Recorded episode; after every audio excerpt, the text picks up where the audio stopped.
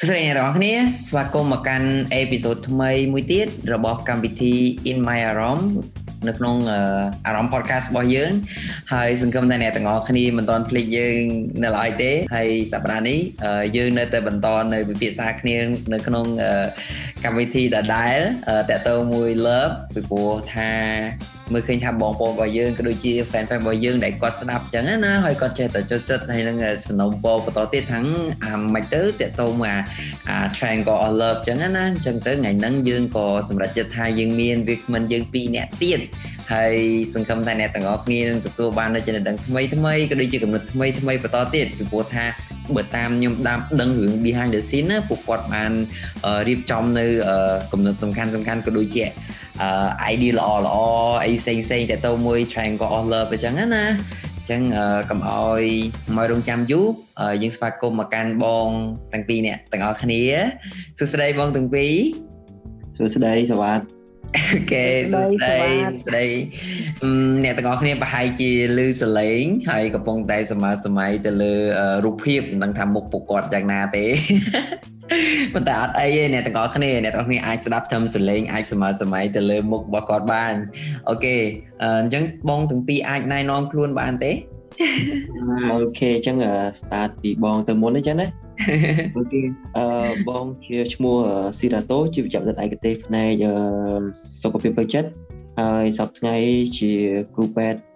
បម្រើការនៅស្ថាប័នឯកជនមួយផ្នែកសុខភាពផ្លូវចិត្តហ្នឹងបាទអរគុណទៅបាទ ចូលសម្រាប់បងបន្តមកបងបងទៅអឺបងឈ្មោះងៅសិគីមបងជានិស្សិតឯកទេសខាងជំងឺវិកលវិទ្យាសប្ងៃបងនៅចុះកម្មសិក្សានៅប្រទេសបារាំងបាទជានិស្សិតនៅឡើយអរគុណសវត្តអូបងហើយអឺ នៅបារាំងនិងខ្មែរចិត្តគ្នាណា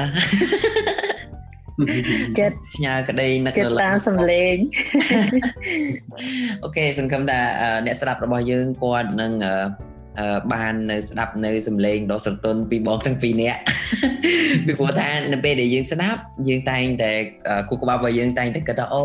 អឺមិនដឹងថាមុខមិនទេ speaker របស់យើងអញ្ចឹងណាអញ្ចឹងណាហើយឥឡូវយើងចាត់ទុកថា speaker របស់យើងស្អាតស្អាតអញ្ចឹងណាហ្នឹងហើយបងតាមខ្ញុំចាំបានតាំងពីអេពីសូតមុនយើងនិយាយគ្នាតទៅមួយ Triangle of Love ហើយយើងក៏បានជួបទៅកាន់បងនីហើយបងសវណ្ឌីដែលគាត់បានលើកឡើងតទៅមួយ Triangle of Love ហើយលើកមុនហ្នឹងគាត់បានរំលេចនៅពាក្យមួយចំនួនផងដែរតាមខ្ញុំចាំមិនខុសទេដូចមាន intimacy passion និង commitment កាលនោះណាហើយគាត់ក៏បាននិយាយពី definition មួយចំនួនក៏ដូចជាការបកប្រែមួយចំនួនអញ្ចឹងសម្រាប់អ្នកដែលបានស្ដាប់ហើយក៏បានយល់នៅអីដែលបងបងគាត់បានពិភាក្សាគ្នាក្នុងអេពីសូតមុនតែសម្រាប់អ្នកដែលទៅស្ដាប់លើកទី1ក៏កុំភ្លេចទៅចូលស្ដាប់នៅអេពីសូតមុនផងដែរពីព្រោះថានៅក្នុងអេពីសូតមុនហ្នឹងយើងក៏បាន detail ក៏ដូចជាពិភាក្សាគ្នាជាច្រើននៅក្នុងអឺពាក្យទាំង3ហ្នឹងដែលខ្ញុំចង់ប្រាប់អ្នកទាំងអស់គ្នាដែលកំពុងតែស្ដាប់ផងដែរថាកាលហ្នឹងយើងនិយាយហើយថា ត្រីកោណស្នេហាខុសពីស្នេហាត្រីកោណហើយបើអ្នកទាំងគ្នាចង់ស្ដាប់អ្នកទាំងគ្នាអាចចូលទៅអេពីសូតហ្នឹងបានអូខេបកមកអេពីសូតរបស់យើងថ្ងៃហ្នឹងវិញគឺមិនខុសពីអេពីសូតថ្ងៃមុនទេគ្រាន់តែថាយើងចង់ពិភាក្សាឲ្យស៊ីជម្រៅជាងមុនផងដែរអូខេបងអញ្ចឹងចង់សួរទៅបងទាំងពីរផងដែរថាអឺជាពិសេសសួរទៅបងតោមុនហ្មងតើហេតុអីបានតែអង្គអស់ love នឹងវាសំខាន់ពីព្រោះថាបងក៏បានស្ដាប់អេពីសូតមុនដែរ ដោយសារតែបងបានស្ដាប់អេពីសូតមុនហ្នឹងហើយបានអញ្ជើញបងមកក្នុងអេពីសូតមួយនេះអូខេបាទសម្រាប់អរគុណច្រើនសម្រាប់សំណួរអឺយើងចាប់ដើមថាហេតុអីបានអឺយើងអាចឈ្មោះវាពេញហ្នឹងដោយដោយតែសរសេរចោលដែលនឹកឃើញដោយលោក Stanberg ដែលគាត់រកឃើញហើយក៏មិនមែនរកឃើញគាត់ធ្វើការសិក្សាស្រាវជ្រាវទៀតមិនមែនគ្រាន់តែជាគំនិតរបស់គាត់ហើយគាត់យកមកបង្កើតទៅជា theory មួយហ្នឹងឯង ដែល theory មួយហ្នឹងឈ្មោះថាខ្ញុំរំលឹកឡើងវិញតិចណាបាទតើតើជាមួយនឹងគេហៅឈ្មោះថា Sternberg's Triangular Theory of Love ដែលនិយាយអំពីចំណុច3សំខាន់របស់ love ហ្នឹងតើក្តីស្រឡាញ់ហ្នឹងវាមានអីគេខ្លះនៅក្នុងហ្នឹងដើម្បីបំពេញពាក្យថាក្តីស្រឡាញ់ហ្នឹង អញ្ចឹងណាហើយទ្រឹស្ដីហ្នឹងបើយើងនិយាយមកទៅដូចជាអារម្មណ៍ធ្លាប់ធ្វើនៅ Clubhouse ម្ដងដែរដែលដូចជាពួកគាត់លើកនិយាយថាស្នេហាត្រូវការទ្រឹស្ដីអញ្ចឹងនឹងចាំចាំបានដូចជាអញ្ចឹងហើយគាត់និយាយទ្រឹស្ដីហ្នឹងទៅនិយាយដែរអញ្ចឹងណាហើយនីរវ៉ាឌីក៏បានលើកពីមុនតើតងជាមួយចំណុច3គោលហ្នឹងអញ្ចឹងតើបើយើងតលេខទៅមើលបន្តិចតើបើគាត់លើកពាក្យមួយដាក់អឺ ចំណងជើងនៅក្នុងអារម្មណ៍ Clubhouse ហ្នឹងគាត់ដាក់ថាស្នេហាត្រូវការទ្រឹស្ដីអញ្ចឹងយើងដឹងថាតាមពិតវាសំខាន់មែនតើព្រោះវាជាទ្រឹស្ដីមែនប៉ុន្តែវាឆ្លុះបញ្ចាំងពីការពិតជាក់ស្ដែងបាទហើយការពិតជាក់ស្ដែងណាដែលចាប់ផ្ដើមបានទៅជាទ្រឹស្ដីវាទៅជាចំណេះដឹងមួយអញ្ចឹងមានន័យថាអឺបើយើងនិយាយសួរស្អាតអ្នកណាក៏ចេះស្រឡាញ់ដែរ ត្រូវអ្នកណាក៏មានក្តីស្រឡាញ់ដែរ Yes ហើយវាមានលក្ខណៈថាហោលួចស្រឡាញ់គេស្រឡាញ់អ្នកចេះឬក៏អាស្ថានភាពក្តីស្រឡាញ់ហ្នឹងមានបែបផែនខុសៗគ្នាប៉ុន្តែដើម្បីឲ្យក្តីស្រឡាញ់មួយហ្នឹងអាចវិវត្តទៅបានល្អហើយរក្សានៅលំនឹងបានហើយរក្សានៅចំណងមិត្តភាពនឹងបានល្អគឺយើងត្រូវមានចំណេះដឹងក្នុងក្នុងក្នុងស្នេហាហ្នឹងក្នុងក្តីស្រឡាញ់ហ្នឹងអញ្ចឹងណាព្រោះយើងមិនអាចធ្វើអីមួយចេះតែនឹកឃើញទៅធ្វើឬក៏ចិត្តចង់ឬក៏ ទៅបំពេញចិត្តដែលចង់អញ្ចឹងអញ្ចឹងវាអាចធ្វើឲ្យស្នេហារបស់យើងហ្នឹងផុយស្រួយដែរអញ្ចឹងហេតុផលនេះហើយបានលោក Stenberg ហ្នឹងគាត់ចាប់ដើមធ្វើការសិក្សាទៅជាហើយបានចងជាទ្រឹស្ដីស្នេហាអឺ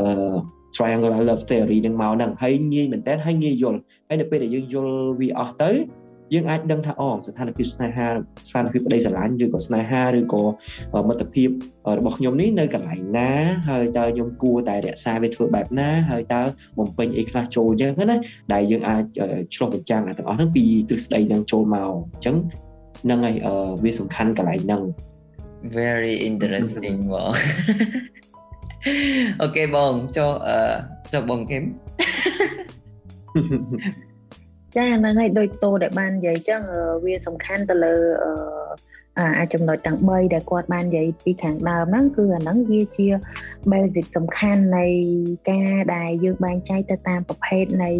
ស្នេហាដែលមានទាំងអស់ចំនួន8ចំណុចហើយទីទៀតយើងនឹងជជែកពិភាក្សាគ្នាថានឹងវាមានអីខ្លះ អូសម្រាប់ចឹងសម្រាប់ខ្ញុំអាចសុំថែមបន្តិចតួចបានទៀតទេបងជួយមួយដែរនិយាយទៅបាន pop up នឹងមកដែរដោយសារលោក Stanberg ហ្នឹងគាត់ធ្វើគាត់គាត់ចាប់ផ្ដើមសិក្សាស្រាវជ្រាវមួយតាក់ទងមួយ theory ហ្នឹងដោយសារគាត់ខ្លួនឯង experience គឺគាត់ fail ក្នុង relationship គាត់បរាជ័យនៅក្នុងការឆ្លាញ់ដៃគូគាត់ឡើងប្រហែលនេះហើយគាត់ learn from failure បាទ ហើយគាត់គាត់បាន observe គាត់មើលកលេចមើលថាហេតុអីបានគាត់បរាជ័យក្នុងអាមិត្តតាក់ទងមួយស្នេហាអញ្ចឹងទៅស្រួលស្ដាប់អញ្ចឹងតាក់ទងជាមួយដៃគូរបស់គាត់អញ្ចឹងហើយគាត់ក៏ចាប់ផ្ដើមសិក្សាទៅបានបានជាទាំងមកបានគាត់ចាប់ដើមយល់ថាអូគាត់ reflect ទៅខ្លួនឯងវិញមិនគាត់ដឹងអញ្ចឹងណាហ្នឹងហើយអញ្ចឹងដោយសារអ្នកសរសេរហ្នឹងក៏បរាជ័យនឹងស្នេហាដែរមិនមែនថាអ្នកសរសេរហ្នឹងជាមនុស្សអ្នកដែលជោគជ័យខ្លាំងនឹងស្នេហា អេខ្ញុំគិតនិយាយទៅ based on experience របស់គាត់ហ្មងខ្ញុំគិតចឹងដែរពីព្រោះថាបើតាមខ្ញុំដឹងបើតាមខ្ញុំគិតបើតាមខ្ញុំឃើញខ្ញុំគិតថាអ្នកស្ដាប់ហ្នឹងក៏ស្តៀងនឹងយើងដែរពួកគាត់មានស្នេហាបន្តខ្លួនហើយពួកគាត់ក៏ learn from អាស្នេហាដែលគាត់បានឆ្លងកាត់មកអញ្ចឹងទាំងរឿងជោគជ័យទាំងរឿងបរាជ័យសិតតែគាត់រៀនបានទាំងអស់គ្រាន់តែថាគាត់ដៃយកអាហ្នឹងមកអឺ ដូចថាយកស្រាវជ្រាវដូចលោក Stenberg អីចឹងទៅហើយដល់ពេលលោក Stenberg អីចឹងទៅគាត់យកអាអីដែលជា failure ឬក៏អីដែលគាត់រៀនបានហ្នឹងគាត់មកចងក្រងក៏ដូចជា research បន្តអីចឹងទៅហើយខ្ញុំគិតថាហ្នឹងឯងដែលអ្នកស្ដាប់របស់យើងកំពុងតែត្រូវការនឹងចង់ដឹងដូចគ្នាបងចឹងកុំឲ្យរំតឹងរងចាំយូរចង់សួរទៅបងខេមមកថាការបែងចែករឿងស្នេហាអីទៅមានប្រមាណហើយបើខ្ញុំមកកំពុងតែចង់ស្ដាប់ហ្នឹង អឺការបែងចែកនៃស្នេហាហ្នឹងសរុបទាំងអស់ទៅអឺមាន8ចំណុច8ប្រភេទនៃស្នេហាដែលទី1យើងថាអឺ no love អឺបងនិយាយទាំងអស់ហ្មងទៅរហ័យបន្ទាប់មកយើងនឹងពិភាក្សាមួយមួយទៅមុខទៀតពីមុខទី1គឺមានខ្ញុំកាត់តិចណាអឺកន្លែងហ្នឹងមានន័យថា8ហ្នឹងគឺពុំបានពី3ចំណុច snow នោះត្រូវទេ អូចាហ្នឹងហើយថាពី3ចឹងហៅដែលពួកខ្ញុំបានពិភាក្សាគ្នាកាលពីអេពីសូតមុនណហ្នឹងហើយហ្នឹងហើយយើងចង់តអញ្ចឹងដើម្បីអ្នកថាគាត់អាចទាញបានណាថាអូខេបង្កើតទៅជា8ចំណុចហ្នឹងគឺបានពី3ចំណុចកាមុននោះដែលយើងហៅថាត្រីកោណហ្នឹងគឺមានមុំ3ហ្នឹងហើយមុំ3មួយហ្នឹងមានដែលយើងមានចាប់អានៅកពូលគេហ្នឹងវាយើងគិតទៅនៅមាន intimacy ហើយបន្ទាប់មកមាន passion ហើយមាន commitment ហ្នឹងដែល ដូចជានាមួយបាឌីគាត់បានពូលើកមករបស់ក្បាលមែនតើអញ្ចឹងនេះអឺគឹមគាត់ចាប់ដើមតើអាហ្នឹងមួយជាតិតើ3ហ្នឹងវា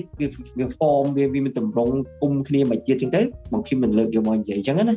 បាទ អូខេហ្នឹងហើយក៏ពិតអាហ្នឹងវាចេញពីអាអាមុំ3ហ្នឹងបន្ទាប់មកម្នាក់ម្នាក់នឹងចាប់នៅអ្នកខ្លះចឹងគាត់មានតែ intimacy អ្នកខ្លះគាត់មានតែ passion អ្នកខ្លះគាត់មានតែ commitment ហើយអាអស់ហ្នឹងវាបែងចែកទៅតាមទៅជាប្រភេទទាំង8នៃស្នេហាចឹងខ្ញុំនឹងចាប់ផ្ដើមលើកដំបូងគឺប្រភេទទី1គឺ no love ដូចមនុស្សយើងអត់អត់អត់ដែលមនុស្សគ្រាន់តែថាគាត់ដើរជួបមុខគ្នាអីចឹងណាគាត់អត់មាន intimacy គាត់មានអាភាពស្និទ្ធស្នាលមានចំណងមិត្តភាពទេហើយទីគាត់ក៏អត់មាន passion ដែរអត់មានអាចំណងដែលយើងបានរៀបរាប់ពីខាងដើមហ្នឹងហើយក៏គាត់អត់មាន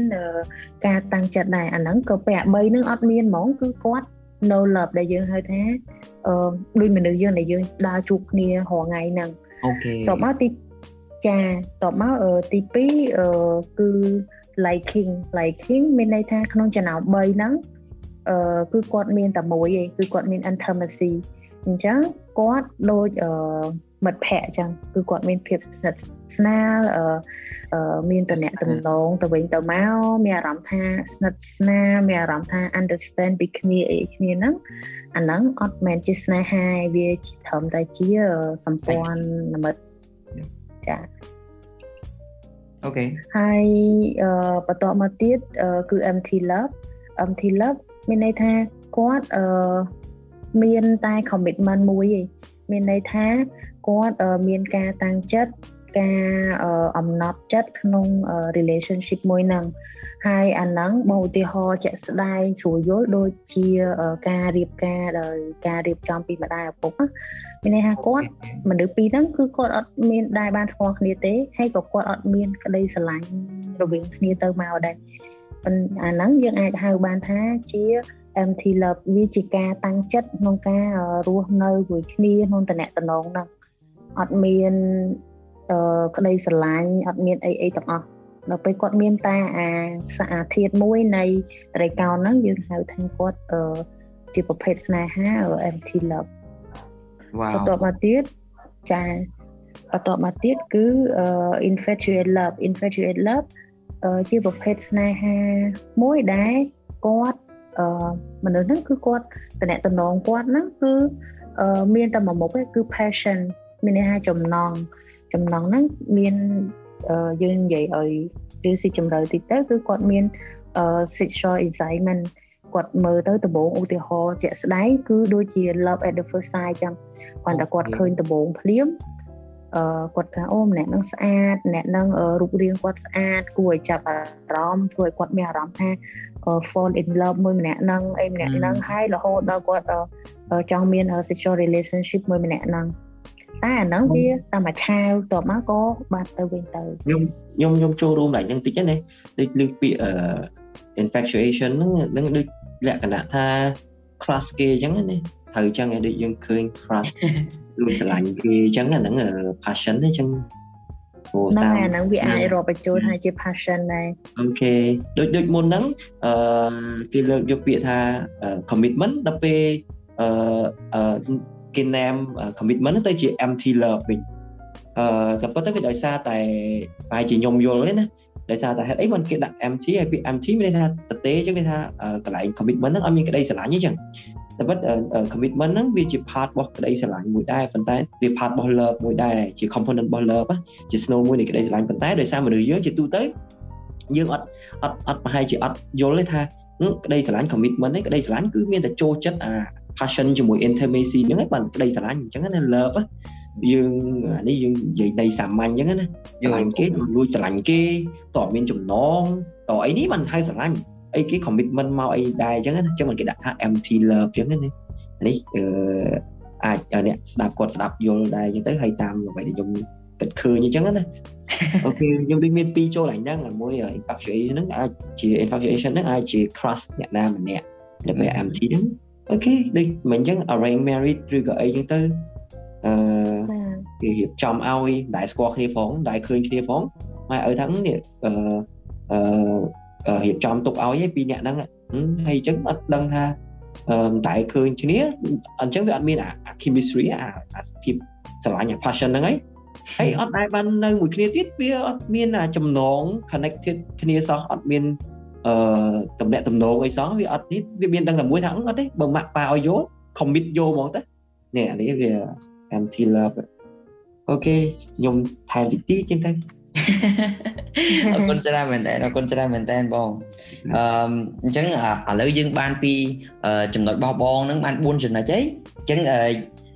ចង់ដឹងចំណុចទី5ទី6ទី7មកទៀតបងតើដើម្បីឲ្យដឹងពីចំណុចទាំងអស់ហ្នឹងទៅបានយើងសនុកដឹងថាអូអ្នកស្ដាប់គាត់នៅក្នុងចំណុចណាគាត់ធ្លាប់ឆ្លងកាត់ចំណុចណាហើយឥឡូវនេះយើងកំពុងនៅក្នុងចំណុចណានៅក្នុងអា relationship របស់យើងបច្ចុប្បន្នឬក៏អឺ level ដែលយើង communicate គ្នាមកក្នុងពេលបច្ចុប្បន្នផងដែរចាហ្នឹងហើយបន្តមកទៀតគឺដល់ romantic love romantic love ហ្នឹងគឺជាប្រភេទស្នេហាដែលគាត់មានទាំង intimacy ហើយគាត់មានទាំង passion អឺអាហ្នឹងយើងអាចឃើញនៅក្នុងភាគច្រើនដូចជាស្នេហាវ័យក្មេងណាដែលយើងថាស្នេហាក្មេងៗអឺ ហ្នឹងហើយស្នេហាក្មេងខ្ចីគឺគាត់មានការសិក្សាគ្នាការ understand ពីគ្នាអីពីគ្នាសិក្សាហើយក៏មានក្តីស្រឡាញ់ដែរក្តីស្រឡាញ់យើងនៅទៅចិត្តគ្នាទៅមានអារម្មណ៍ feeling love ទៅវិញទៅមកទៅលើ body appearance ទៅលើអីអីទាំងអស់ហ្នឹងប៉ុន្តែគាត់អត់មាន commitment នេះសួរថាថ្ងៃក្រោយតអនាគតមួយគ្នាអីមួយគ្នាបានអត់អីអត់ គឺអត់មានទេអត់មានការតាំងចិត្តដូចថាជាប្រភេទស្នេហាដែលថាគេហៅស្នេហាវ័យចាស់ណាគិតដល់ថ្ងៃអនាគតរួមគ្នាហ្នឹងហើយគិតមែនតើអញ្ចឹងអត់មានទេអាហ្នឹងជាប្រភេទស្នេហា romantic love ស្នេហាវ័យក្មេងអូខេរឿងចម្លែកលើពីស្នេហាវ័យចាស់ហើយដូចធ្លាប់មកលើស្នេហាវ័យក្មេងឥឡូវចេញស្នេហាវ័យចាស់ ស្នេហាវ័យចាស់អឺបងចង់សំដៅទៅលើស្នេហាតាមបែប mature អូខេហ្នឹងមែនដូចថាស្នេហាក្មេងៗគេថាជាស្នេហាបានតែមួយផ្លែតអញ្ចឹងណាដូចស្នេហានៅ high school លេងអញ្ចឹងណាអត់ប្រកទេអត់អត់ហ្នឹងហើយអូខេខ្ញុំគិតថាអ្នកស្ដាប់គាត់យល់ហើយហើយបន្តមកទៀតគឺដល់ compassionate love compassionate love ជាប្រភេទស្នេហាដែលគាត់មាន intimacy និង commitment មានន័យថាអឺអាហ្នឹងយើងអាចឃើញភាគច្រើននៅក្នុងប្រភេទស្នេហាដូចជាដូចយើងនិយាយពីខាងដើមជា empty love គាត់មាន commitment មានន័យថាជាស្នេហាដែលម៉ាក់ប៉ាគាត់រៀបចំឲ្យអញ្ចឹងទៅ គាត់ក៏ព្រមព្រៀងអត់ដែរស្គាល់គ្នាមែនអត់មាន intimacy អត់មាន passion មែនប៉ុន្តែគាត់ក៏ព្រមតាមម៉ាក់តាគាត់គាត់ការមួយគ្នាគាត់រស់នៅមួយគ្នាមករយៈទៅគាត់ក៏មានដោះអា intimacy នឹងមកមានថាគាត់ចាប់ផ្ដើមយល់ពី personality របស់ម្នាក់ម្នាក់ទៅដៃគូគាត់ជាមនុស្សចរិតមិនខ្មិច គាត់ចាប់ផ្ដើម open up មួយគ្នាមានរឿងអីមានអីអញ្ចឹងគាត់ចាប់ផ្ដើម support គ្នាទៅវិញទៅមកគាត់ចាប់ផ្ដើមស្និទ្ធស្នាលស្និទ្ធស្នាលក្នុងន័យគាត់អឺគាត់រស់នៅជាមួយគ្នាក្រោយការហ្នឹងប៉ុន្តែអឺមករយៈពេលក្រោយមកអា passionate របស់គាត់ហ្នឹងអត់អត់អត់អត់ដោះទេគាត់អត់មានអឺ sexual excitement ទៅលើគ្នាទេគាត់គ្រាន់តែ នៅដើម្បីបំពេញអឺអឺមុខងារជាថាការមួយគ្នាហើយអីមួយគ្នាហើយអញ្ចឹងណាអញ្ចឹងអាហ្នឹងប្រភេទហ្នឹងគឺយើងអាចហៅបានថាជា compassionate ហ្នឹងខ្ញុំខ្ញុំចូលទៅកន្លែងហ្នឹង companionate អញ្ចឹងវិញកន្លែងដែលតកតងជាមួយ intimacy ជាមួយ commitment ហ្នឹងដែលមានតកតងជាមួយនឹងចំណងមិត្តភាពជាមួយនឹងភាពអំណត់ហ្នឹង អញ្ចឹងវាចាតោអឺអាហ្នឹងអាចយើងអាចហៅបានដូចតោថាក៏បាន companion companionate or compassionate love អូខេហ្នឹងហើយយកអត់ដល់ហើយជាយើងមើលឯកសារផ្សេងគ្នាទៅវាដាក់ name ផ្សេងគ្នាខ្ញុំខ្ញុំបានយល់ថ្មីដែរអញ្ចឹងព្រោះអីចាំស្ដាប់អីយ៉ាងណាព្រោះហ្នឹងដូចយើងជួបច្រើនដែរធម្មតា អឺតកតងជាមួយនឹងយើងឃើញដែរពីមុនពីមុនចាស់ចាស់អីជួនកាលទៅគាត់មិនសូវបានមាន passion ឬក៏មានការដូចដំបងមានន័យថាបើបើយើងនិយាយមកទៅដំបងត្រូវលួចស្រឡាញ់គេអញ្ចឹងទៅហើយបន្ទាប់មកអញ្ចឹងទៅ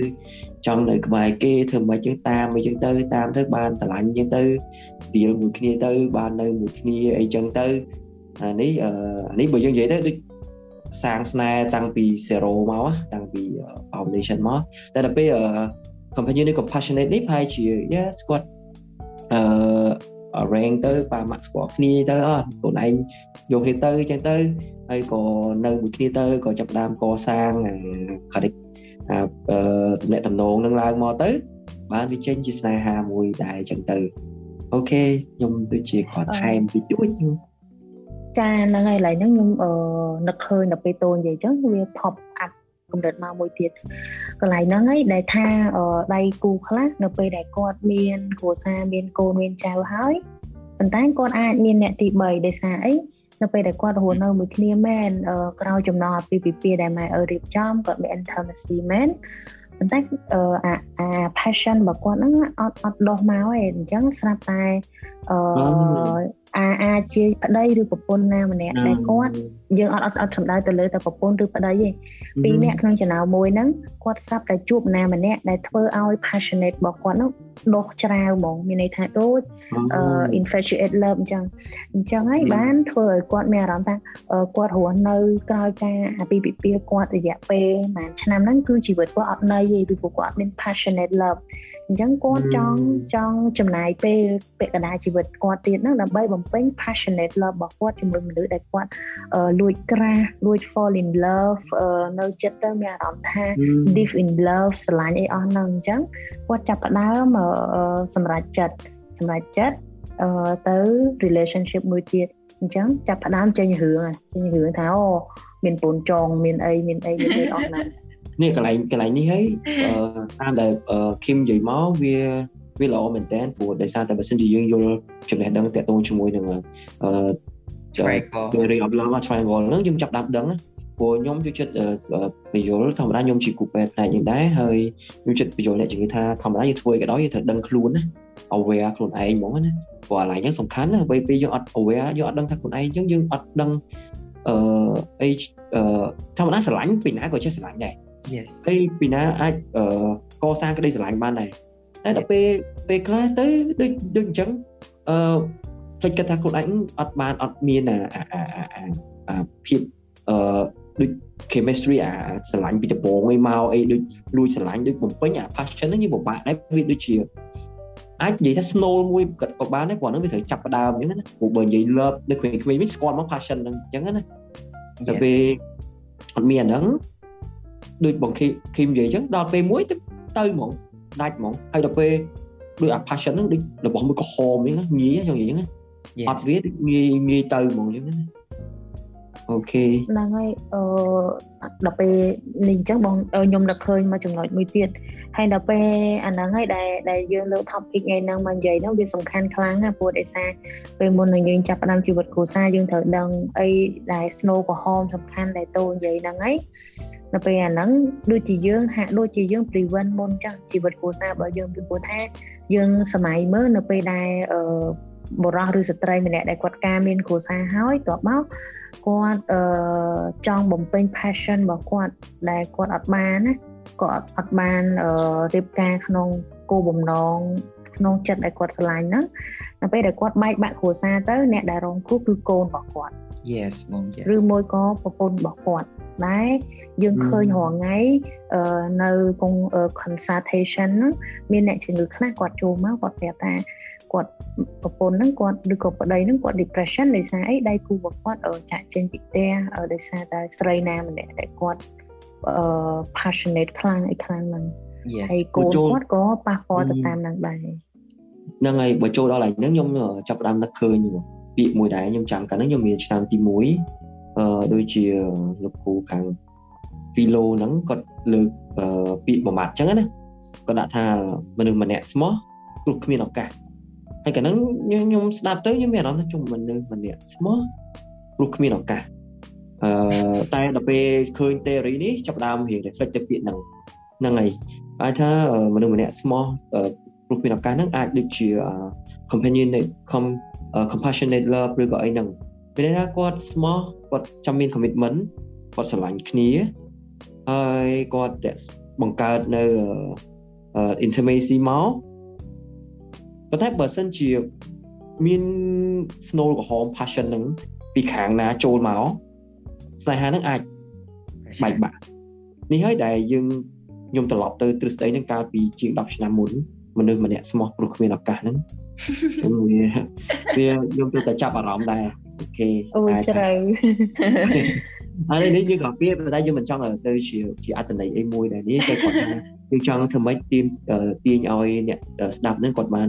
ចំណាប់អារម្មណ៍មកលើកន្លែងហ្នឹងណាថាតើខ្លួនឯងកំពុងតែនៅស្នេហាហ្នឹងបាត់បាត់បាត់អីគេព្រោះយ៉ាបន្ទាប់ពីយើងនិយាយថាបញ្ចប់បញ្ចប់ពីស្អីទៅយើងដឹងថារបស់ទាំងអស់ហ្នឹងយើងអាចបង្កើតវាមកបានយើងអាច build ចង់និយាយថាក្តីស្រឡាញ់មិនមែនមិនមែនបើកភ្នែកមកចេះស្រឡាញ់ហើយអឺ បង្កើតស្នេហាហើយចំណងស្នេហានឹងឲ្យមិត្តភាពឬក៏ឯងឯងឬក៏ធម្មជាតិផ្ដល់មកអញ្ចឹងឯងព្រោះក្តីស្រឡាញ់ហ្នឹងគឺវាត្រូវការការអឺកសាងវាឡើងមកហើយរក្សាវាទៀតអញ្ចឹងវាត្រូវការទាំង commitment ត្រូវការអីហ្នឹងមានក្តីស្រឡាញ់ហើយត្រូវចេះរក្សារក្សាហើយត្រូវធ្វើមិនឲ្យវាមានចំណងល្អអីហ្នឹងអញ្ចឹងអញ្ចឹងបងឃឹមតទៅទៅតែចុងក្រោយខ្ញុំខ្ញុំខ្ញុំបងឃឹមហើយជាផ្សល់តែមួយទៀតទេត្រូវហ៎ no បងសាពីហ្នឹងឯងបងក៏ចាប់អារម្មណ៍មែនតើបងហើយក៏ចង់មិញក៏ចង់ដឹងពីចំណុចទៀតពីបង្ខំផងដែរពីព្រោះថាមិញយើងទៅទៅមកដល់ compassionate ទេបើយើងនិយាយពី contact របស់យើងហ្នឹងគឺទៅដល់ចំណុចទី5ទេហើយយើងនៅពីចំណុចទៀតដែលជាចំណុចសំខាន់សំខាន់ហើយវាពិតជាចំណុចមួយដែលល្អល្អសម្រាប់ដែល relationship ក៏ដូចជាយើងទាំងអស់គ្នាចង់បានត្រូវអត់បង ចឹងខ្ញុំគិតថាបងគឹមអាចបន្តទៀតបានថាតើចំណុចទៀតអីគេមិញខ្ញុំរាប់ខុសគីមរាប់ហ្នឹងមិនមែនទេខ្ញុំសុំតិចណាមិញរាប់ខុសហ្នឹងដោយសារតែបញ្ញាប់ឲ្យដល់អា consumer នោះអា computer ពេកអត់អីគឺតហ្នឹងហើយពួកអីត្រូវបញ្ញាប់ចឹងហើយពួកអីចំណុចចុងក្រោយហ្នឹងអាហ្នឹងគឺសំខាន់ខ្លាំងហ្មងអញ្ចឹងចំណុចបន្ទាប់គឺចំណុចទី7គឺ infatuate love អឺ ជាប្រភេទស្នេហាដែលគាត់មាន passion និង commitment មានន័យថាដូចជាគាត់ជា relationship មួយដែលមើលទៅហាក់ដូចជាអឺជាការស្នេហ៍ជាជាជាស្នេហាប៉ុន្តែมัน complete ទេគាត់ខ្វះមួយគឺ intimacy ហើយគឺថាអាហ្នឹងវាចេញជារឿងអីមួយមួយទៀតអឺ Fatty Love ដូចជាស្នេហាមួយដែលអឺគាត់ទាំងពីរនាក់ហ្នឹងគាត់គិតថាគាត់ស្រឡាញ់គ្នាប៉ុន្តែគាត់ហាក់ដូចជាមិនយល់ពីគ្នាគាត់មានទាំងការតាំងចិត្តសួរថាគាត់តាំងចិត្តរស់នៅមួយគ្នាគាត់ស្រឡាញ់គ្នារក្សាតំណែងតំណងគ្នាគាត់ថាអឺគាត់ទាំងពីរនាក់ហ្នឹងមាន commitment ទាំងពីរហើយគាត់ក៏មាន passion ដែរគាត់នៅមួយគ្នាគាត់អឺ មានអារម្មណ៍ស្រឡាញ់គ្នាគាត់មាន feeling deep in love អីទាំងអស់ប៉ុន្តែគាត់អត់មាន intimacy ទេគឺគាត់ច្រើនតែអត់យល់ពីគ្នាអត់នៅមួយគ្នាមានអារម្មណ៍ថាអឺក្រៅពី sexual excitement ប៉ុន្តែគាត់ពេលនៅមួយគ្នាគាត់មានអារម្មណ៍ថាស្និទ្ធស្នាលគ្នាស្និទ្ធស្នាលក្នុងន័យដូចអឺតាមរយៈការយល់គ្នាតាមរយៈការ caring គ្នា តាមរយៈការ support គ្នាពេលមានបញ្ហាអីមួយហ្នឹងហើយមានអារម្មណ៍ថាមានរឿងអីក៏គាត់អត់អត់ open រវាងគ្នានឹងគ្នាអស់ដែរហើយអឺសួរថាអាហ្នឹងគាត់អឺអាចនឹងជួបបញ្ហាអីអឺចំពោះការយល់របស់ខ្ញុំខ្ញុំមើលឃើញថាប្រភេទស្នេហាប្រភេទហ្នឹងគាត់ច្រើនតែមានចំនួនក្នុងទំនាក់ទំនងហ្នឹងច្រើនអត់សូវត្រូវគ្នាទេច្រើនតែ អឺម្នាក់ហ្នឹងចេះទៅម្នាក់ហ្នឹងចុះទៅអឺអត់ចេះតែឆ្លោះគ្នាចេះតែតែឲ្យគាត់ថាបែកគ្នាអត់អត់បែកគ្នាទេគាត់នៅតែគាត់នៅតែស្រឡាញ់គ្នាគាត់នៅនេះគ្នាប៉ុន្តែគឺថាគាត់ជាអាចចំនួននឹងបានអត់ចេះតែជាអត់បានចេះតែឆ្លោះគ្នាពីនេះពីនោះដោយសារតែអាបញ្ហាដែលគាត់អត់ understand គ្នាហ្នឹងហហើយអាហ្នឹងវាអឺអាចជួយគាត់បានតាមរយៈអា five love languages 5ភាសាទាំង5នៃស្នេហានោះដែរចានិយាយទៅអីអត់ខ្ញុំថាចូលតែបន្តិចចឹងតែតែគេមិននិយាយតែខ្ញុំចង់និយាយអីចឹងនិយាយហ្មងអឺខ្ញុំនឹងទុកប្រូលឲ្យឲ្យទៅចាំទុកប្រូលឲ្យតូគាត់បញ្ជាក់ឲ្យកាន់តែច្បាស់ជាងហ្នឹងណាក៏ខ្ញុំ mention ថាកន្លែងហ្នឹងគឺវាវាលេខវាលេខមួយចំណុចហ្នឹងគឺភាសានៃស្នេហាទាំង5 ភាសានៃស្នេហាទាំង5ហ្នឹងមានអីខ្លះយើងនឹងនិយាយនៅអេពីសូតក្រោយទៀត in detail ផ្លូវលំអិតប៉ុន្តែតូគាត់នឹងបញ្ជាក់ថាតើ file love language ហ្នឹងវាសំខាន់អីខ្លះអូអឺអីផែជាបញ្ជាក់ហ្នឹងទៅវារៀងវាវែងអញ្ចឹងណាតែគាត់ថាយើងធម្មតាបើសិនជាយើងមានក្តីស្រឡាញ់មានឲ្យយើង passion យើងមានហើយយើងមាន commitment ទៀតតែពិតឡើងហ្នឹង គ្រាន់តែយើងដឹងពីរបៀបស្រឡាញ់ចិត្តមកអាចឲ្យកន្លែងហ្នឹងអាចទៅមុខបានហើយដឹងពីរបៀបថាដឹងថាក្តីស្រឡាញ់មួយមិនមែនធម្មជាតិអ្នកបង្កើតឬក៏អីសុកសុកមកស្រឡាញ់ឬក៏អីទេអាចយ៉ាអា passion ហ្នឹងវាវាជាវាជាអាចថាធម្មជាតិនៃចិត្តអីវាត្រូវតែមានអីតែគាត់ថាអឺបើយើងត្រូវដឹងថាដើម្បីបានក្តីស្នេហ៍ស្រឡាញ់មួយល្អយើងត្រូវតែអឺ hard working ដែរចង់និយាយចឹងវាមិនរបស់អឺ ដែលបានមកល្អស្រាប់ស្រាប់ស្រាប់ស្រាប់ហ្មងអញ្ចឹងណាដូចអឺមែនអាងថាអឺមាន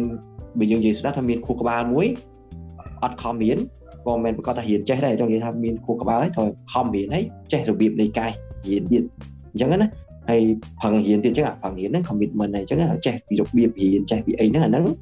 អឺអឺយើងអាចនិយាយថា intimacy ហ្នឹងហើយហើយមានថ្នាក់ ទី1ទី2ទី3ទី4ទី5អញ្ចឹងទៅអាហ្នឹងគឺវាតាមលំដាប់ដោយអញ្ចឹងអូខេខ្ញុំចូលអញ្ចឹង profile up language ទៀតវារៀងកាន់តែចប់លើ podcast ហ្នឹងអាហ្នឹងយើងតតទៀតបានអូខេអរគុណច្រើនអរគុណច្រើននិយាយទៅអឺអឺអីដែលតោបាននិយាយហ្នឹងអឺហ្នឹងហើយវាសំខាន់ហើយ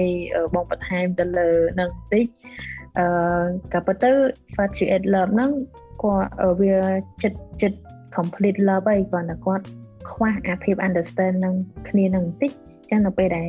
គាត់មានអាស្នេហាប្រភេទហ្នឹងគាត់យល់បន្ថែមទៅលើភាសាទាំង5នៃស្នេហាហ្នឹងទៅធ្វើឲ្យគាត់យល់ពីគ្នាបានច្រើនអញ្ចឹងធ្វើឲ្យស្នេហារបស់គាត់ហ្នឹងវាអាច develop ទៅជា complete love ដែលជាចំណុចទី8 ឬយើងអាចហៅថា consummate love consummate love ហ្នឹងជាទូទៅចាស្នេហាពុកផងជាទូទៅគឺជាស្នេហាដែលពោពេញទាំង3 triangle ហ្នឹងមាន intimacy passion និង commitment ទាំង3ហ្នឹងចូលរួមគ្នាអាចថាជាស្នេហាដែលមនុស្សរូបចង់បានហ្នឹងហើយជាស្នេហាអឺដែលមនុស្សគ្រប់មនុស្សលោក ចង់បានក៏ជាចំណុចដែលខ្ញុំរងចាំមកដល់ហ្នឹងអូខេវាអត់ទេពេលវាច្រើនពេកទៅគាត់ថាយើងនៅតែស្ដាប់យល់ចំណុចមួយមួយហើយចំណុចមួយមួយនេះគុំចូលគ្នាទៅបង្កើតបានជាស្នេហាបែបនេះស្នេហាបែបនោះអញ្ចឹងណា Yes ហើយ Yes ហើយចុងក្រោយគេហ្នឹងគឺថា fulfill ហ្មងហ្នឹងវា complete love ហើយអាហ្នឹងយ៉ាប់អ្នកណាក៏ចង់បានដែរប៉ុន្តែវាមិនមែនវាកើតឡើងមកស្រាប់ស្រាប់ទៅអញ្ចឹងទេសិតតែយើងត្រូវការដូចខ្ញុំនិយាយទៅដល់ដដែលតែអញ្ចឹងវាត្រូវការហ្វមឡើងមកព្យាយាមអីចឹងណាភាពអត់ធ្មត់អីអមទៅជាមួយអញ្ចឹងតែស្នេហាมันមានថាយើងបើយើងនិយាយទៅมันមានស្នេហាណាថាល្អឥតខ្ចោះហើយស្នេហាណាដែលមិនល្អមិនអីទេវាសិតតែមានបែបបត់ជាខ្លួនដែលមានជាចំណុច វិជ្ជមានវាអញ្ចឹងណាហើយក៏មានចំណុចត្រូវបំពេញអញ្ចឹងទៅអឺដោយដែលតោគាត់បាននិយាយអញ្ចឹងអឺស្នេហាវាអត់មាន perfect ទេហើយណាមួយយើដូចស្នេហាមនុស្សពីរនាក់ឆ្លាញ់គ្នាអញ្ចឹងម្នាក់ម្នាក់វាគាត់មានចរិតផ្ទាល់ខ្លួនរបស់គាត់ដូចគ្នាចឹងនៅពេលដែលគាត់មកតាក់ទងគ្នាវាត្រូវការស្វែងយល់ពីគ្នាត្រូវមានការប្រឹងប្រែងការអីអស់ហ្នឹងទៅធ្វើឲ្យស្នេហារបស់គាត់ហ្នឹង ដល់អាចំណុចទី8គឺ complete love យេចាអរគុណសវត្តអរគុណច្រើនមែនតើហ្មងអឺសម្រាប់គឺថាមកដល់ឥឡូវនេះយើងបានអឺបញ្ចប់នៅចំណុចទាំង7ទាំង8របស់យើងហើយជាដំណាក់កាលនីមួយនីមួយឬក៏ថែបនីមួយនីមួយរបស់ love ហើយអញ្ចឹងបងមានអីបន្ថែមអាចបន្ថែមបានហ្នឹងហើយអឺយើងគ្រាន់តែធម្មតាយើងនិយាយនៅក្នុង triangular theory of love ហ្នឹងយើងនៅតែទៅ reflect ទៅទៅវិញទៅមកអញ្ចឹងទៅឧទាហរណ៍ថាខ្ញុំប្រហែលជាលើកតកតូនជាមួយនឹងមុនហ្នឹងគេថាស្នេហាបែបយុវវ័យអញ្ចឹងណាស្នេហាបែបយុវវ័យនេះអាចថាមាន passion អញ្ចឹងទៅហើយបូកជាមួយនឹង intimacy អញ្ចឹងទៅហើយអាហ្នឹងយើងអាចត្រូវទេស្នេហាយុវវ័យអញ្ចឹងណា Yes ណាយុវវ័យហ្នឹងគាត់គាត់គាត់ធម្មតាយើងទៅរៀនអញ្ចឹងទៅយើងឃើញអ្នកនេះស្អាតអីចឹងទៅ attract អញ្ចឹងទៅអាហ្នឹងហើយមាន passion អញ្ចឹងទៅហើយបន្ទាប់មកក៏ chasing គេឬក៏ flirting អីចឹងណាអញ្ចឹងអាហ្នឹងតាមក្បួនរបស់រៀងខ្លួនពេលដែលគាត់បានតាមនេះទៅទៅជាក្តីស្រឡាញ់មួយបង្កើតបានជា romantic love នេះទៅតែគុណវិបត្តិនៅក្នុងហ្នឹងដែលយើងឃើញថាពីយើងក្មេងៗគាត់ខ្វះភាពអត់ធ្មត់អញ្ចឹងណាខ្វះភាពអត់ធ្មត់ដូចបើយើងនិយាយមកទៅស្នេហាហ្នឹងវាចេះទៀតដូចឧបមាថាបើយើង message ទៅគេអញ្ចឹងហើយបើគេអត់ reply អង្គុយតែចាំហ្មងហើយអញ្ចឹងហើយសម័យនេះសម័យសម័យឆាតទៅចូល ក៏ឆាតក៏ចុចនេះតែហ្នឹងទៅដល់រូបបាត់អីចឹងណាអញ្ចឹងមិនគុំមិនត្រូវរីតឲ្យភ្លាមភ្លាមហើយត្រឡប់មកវិញមកនេះអាអាអារម្មណ៍បែបនេះហ្នឹងវាវាមាននៅក្នុង passion ហ្នឹងហើយហើយដល់ពេលចាប់ដើមលេងមួយគ្នាយូរទៅចេញ intimacy ប៉ុន្តែវាពិបាកបើសិនជាក្នុងស្នេហាហ្នឹងអត់មាន commitment នៅក្នុងហ្នឹងហ្នឹងហើយដែលធ្វើឲ្យភាពអត់ធ្មត់របស់គាត់អត់មានហើយគាត់ងាយនឹងអឺអាចថា ឆ្លោះប្រកែកគ្នាឬក៏ប្រច័នឬក៏គេហៅថាទៀមទានេះទៀមទានោះពីដៃគូអញ្ចឹងណាហើយមួយទៀតដែរស្នេហាអាទស្សនៈស្នេហាត្រីកោណស្នេហានេះមានន័យថាវាវាត្រូវការវាបើយើងនិយាយទៅស្នេហាវាត្រូវការមនុស្សពីរនាក់មិនអញ្ចឹងស្នេហារវាងមនុស្សម្នាក់និងមនុស្សម្នាក់ឬក៏មនុស្សម្នាក់ទៀតនឹងក្រុមមនុស្សម្នាក់អញ្ចឹងទៅអញ្ចឹងវាត្រូវការទៅហើយនឹងមកនេះកន្លែងនេះ ឧបមាថាយើងលងស្រឡាញ់គេយើងមានអា infatuation ឬក៏អីចឹងទៅយើងលួចស្រឡាញ់គេតែដល់ពេលគេអត់មានចិត្តអីសោះអញ្ចឹងអាហ្នឹងវាក៏ដូចជាវាវាវាទៅជាអត់អត់អត់មានអត់ regulate ចឹងវាអត់ស្នេហាណាអញ្ចឹងណាអញ្ចឹងវាត្រូវទៅមកដែរអាហ្នឹងកន្លែងហ្នឹងមួយដែរចង់ចង់សំណត់សង្កត់ធ្ងន់តិចដែរ អានោះយើងគាត់ថា okay ពីក្តីស្រឡាញ់ពីក្នុងចិត្តយើងចេញទៅមានដល់ហ្នឹងមានអញ្ចឹង okay គេហៅអញ្ចឹងប៉ុន្តែដើម្បីស្នេហាគឺត្រូវមានដូចគ្នាមកវិញទៅវិញទៅមក okay អរគុណច្រើនបងអរគុណច្រើនអរគុណច្រើនមែនតើ okay អឺខ្ញុំមិនដឹងថាបងឃឹមនឹងចង់បន្ថែមអីទៀតទេប៉ុន្តែដោយសារតែឥឡូវនេះយើងមកពិភាក្សា អេពីសូតរបស់យើងចិត្តចប់មកហើយអញ្ចឹងសង្ឃឹមថាអ្នកស្ដាប់របស់យើងក៏បាននៅចំណុចសំខាន់សំខាន់ក៏ដូចជា idea ក៏ដូចជាអាចថាជាចំណេះដឹងថ្មីថ្មីក៏ដូចជាអាចថាជាមេរៀនមួយសម្រាប់ឲ្យអ្នកទាំងអស់គ្នាប្រៀបធៀបទៅលើខ្លួនឯងហើយកំពុងអាចសួរមកខ្លួនឯងវិញថាតើខ្លួនឯងនៅក្នុងដំណាក់កាលណាមួយហើយយើងនឹងធ្វើយ៉ាងណាដើម្បីឲ្យ ទទួលបាននៅអា consummate love ព្រោះថាខ្ញុំគិតថា consummate love ហ្នឹងគឺជាអឺ stage មួយឬក៏ជាដំណាក់កាលមួយឬក៏ជាផ្នែកមួយឬក៏ជាអឺ how can I say ជារបស់មួយដែលអ្នកទាំងអស់គ្នាចង់បានអញ្ចឹងអឺសង្ឃឹមថាជូនពាក្យទៅក្រោយទៅកាន់បងពីរនាក់ថាតើបងមានអាចថាជា message អ្វីសំខាន់សំខាន់ទៅកាន់អ្នកស្ដាប់របស់យើងដើម្បីឲ្យអ្នកស្ដាប់របស់យើង ជា message ខ្លីៗខាងក្រោយរបស់បងហ្នឹងទៅសិក្សាបន្តទៅអានបន្តឬក៏ទៅរៀនបន្តទៀតចាខ្ញុំអត់មានអីច្រើនទេជា conclusion មកយើងបានស្គាល់ទាំងអស់គ្នាប្រភេទនៃស្នេហា មានប្រហែលចំណុចហ្នឹងហើយអីដែលបន្ថែមមកទៀតហ្នឹងក្នុងការដែលជួយឲ្យស្នេហារបស់គាត់កាន់តែប្រសើរជាងហ្នឹងគឺ អឺភាសាភាសាទាំង5នៃស្នេហាដែលពួកយើងនឹងធ្វើការបកស្រាយអឺ in detail នៅ episode ក្រោយស្វាត់ Yes បងអរគុណចាអរគុណចាំចាំបងតទៅវិញអូខេចឹងជាចុងក្រោយក៏មានតែពាក្យជូនពរទៅអ្នកស្ដាប់ទាំងអស់គ្នាឲ្យទទួលបានក្តីស្រឡាញ់ពេញលេញហ្នឹង ប៉ុន្តែជាមួយគ្នានឹងដែរបន្ទាប់ពីបានស្ដាប់អឺឃីមហើយខ្ញុំបានចូលរួមតិចតួចហ្នឹងអឺសង្ឃឹមថាអ្នកទាំងអស់គ្នាអាចយកចំណេះដឹងហ្នឹងទៅឆ្លុះបញ្ចាំងទៅសង្កេតមើលក្តីស្រឡាញ់ខ្លួនឯងតើនៅក្នុងប្រភេទមួយណាហើយមានខ្វះខាតអីឬក៏មានអីត្រូវបំពេញឬក៏ត្រូវអភិវឌ្ឍបន្ថែមដើម្បីឲ្យក្តីស្រឡាញ់របស់ខ្លួនឯងហ្នឹងមានភាពចង់និយាយថាមានសុភមង្គលអញ្ចឹងណានៅស្នេហាវាតកតងសុភមង្គលហើយបានរួមរស់នៅមួយគ្នាអឺ ចង់និយាយថាមិនមែនយើងយូរអង្វែងទេគឺមួយជីវិតតែម្ដងសម្រាប់ដៃគូណាហើយនៅពេលដែលយើងបានរៀនពីចំណុចមួយមួយខ្ញុំជឿថាគាត់អាចឃើញពីស្នេហារបស់គាត់ហ្នឹងតើខ្វះខាតកន្លែងណាកន្លែងណាត្រូវបំពេញបន្ថែមឬក៏អីចឹងហើយបើមិនបើបើមិនដឹងថាពេលខ្លះដឹងដែរថាខ្វះប៉ុន្តែ ធ្វើនេះទៅចែកខុសធ្វើទៅចែកខុសអញ្ចឹងអាចអឺ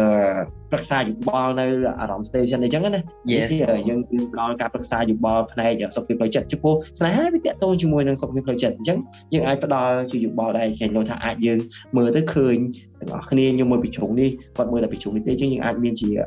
គំនិតខ្លះខ្លះជួយដើម្បីឲ្យស្នេហារបស់គាត់នឹងកាន់តែល្អអុកល្អឿននឹងសុភមង្គលអីចឹងទៅនេះជាសារជូនពរអញ្ចឹងណា អរគុណច្រើនមែនតើបងអរគុណបងទាំងពីរហើយក៏សង្ឃឹមថាអ្នកស្ដាប់មកដល់ឥឡូវនេះគាត់នឹងទទួលបាននូវចំណេះដឹងថ្មីថ្មីដូចខ្ញុំបានលើកខាងលើហើយក៏ដូចនឹងអ្នកទាំងអស់គ្នាស្ដាប់ពីវិនាទីទី1រហូតមកដល់វិនាទីចុងក្រោយរបស់យើងខ្ញុំសង្ឃឹមថាអ្នកទាំងអស់គ្នានឹងទទួលបាននៅបទពិសោធន៍ថ្មីអារម្មណ៍ថ្មីនិងចំណេះដឹងថ្មីពីបងបងហើយអឺ អរគុណបងទាំងពីរមែនតែនសម្រាប់ពេលវេលារបស់បងទាំងពីរដែលបានចូលរួមកម្មវិធីរបស់យើងថ្ងៃហ្នឹងហើយខ្ញុំគិតថាអ្នកស្ដាប់របស់យើងថ្ងៃហ្នឹងនឹងទទួលបានចំណេះដឹងថ្មីថ្មីក៏ដូចជាកំណត់ថ្មីថ្មីហើយក៏ដូចជាមេរៀនអាចថាជាចំណេះដឹងផងដែរពីព្រោះថាអឺអឺតកតទៅមួយលើបអ្នកទាំងអស់គ្នាពិតជាចូលចិត្តអីព្រោះអ្នកទាំងអស់គ្នាប្រកាសជាមានស្នេហាអីចឹងណាហើយអេពីសូតរបស់យើងថ្ងៃហ្នឹងអឺវាពិតជាមានសារៈសំខាន់សម្រាប់អ្នកទាំងអស់គ្នាហើយ បើសិនជាអ្នកទាំងអស់គ្នាចង់ស្វែងរកអេពីសូតរបស់យើងក្រោយៗឬក៏មុនមុនរបស់យើងពីមុនហ្នឹងអ្នកទាំងអស់គ្នាអាចចូលទៅកាន់ Apple Podcast ដែលអ្នកទាំងអស់គ្នាអាច search នឹង Apple Podcast ទៅដាក់ថា In My Aram ឬក៏បើឲ្យស្រួលជាងហ្នឹងទៀតអ្នកទាំងអស់គ្នាអាចចូលទៅក្នុង YouTube Channel របស់យើងដាក់ Aram Station ឬស្ថានីយ៍អារម្មណ៍អីចឹងទៅអ្នកទាំងអស់គ្នានឹងអាចមើលជាវីដេអូរបស់យើងថ្មីថ្មីដូចជាវីដេអូដែលយើងបានអាប់ឡូតពីមុនមកហើយ អ្នកនរគ្នាអាចក៏អាចចែករំលែកនៅវីដេអូរបស់យើងនឹងទៅកាន់មិត្តភ័ក្តិមកបតរបស់អ្នកនរគ្នាផងដែរហើយកុំភ្លេចណាអេពីសូតរបស់ក្រោយក្រោយរបស់យើងទៀតយើងនឹងនិយាយអំពីអឺតកតងជាមួយនឹងស្នេហារបស់យើងដដែលហ្នឹងហើយសង្ឃឹមថានឹងមាន guest speaker របស់យើងអឺបន្តទៀតហើយយើងនឹងចែករំលែកនៅចំណេះដឹងតកតងមួយអឺ Triangle of Love អីចឹងទៅហើយជាចុងក្រោយពិតជាអរគុណទៅកាន់បង ប្រុសបងស្រីពីរនាក់ដែលបានចំណាយពេលវេលាដ៏មានតម្លៃក្នុងការចូលរួមកម្មវិធីរបស់យើងថ្ងៃហ្នឹងហើយសង្ឃឹមថាយើងនឹងអាចជួបគ្នាក្នុងពេលក្រោយទៀត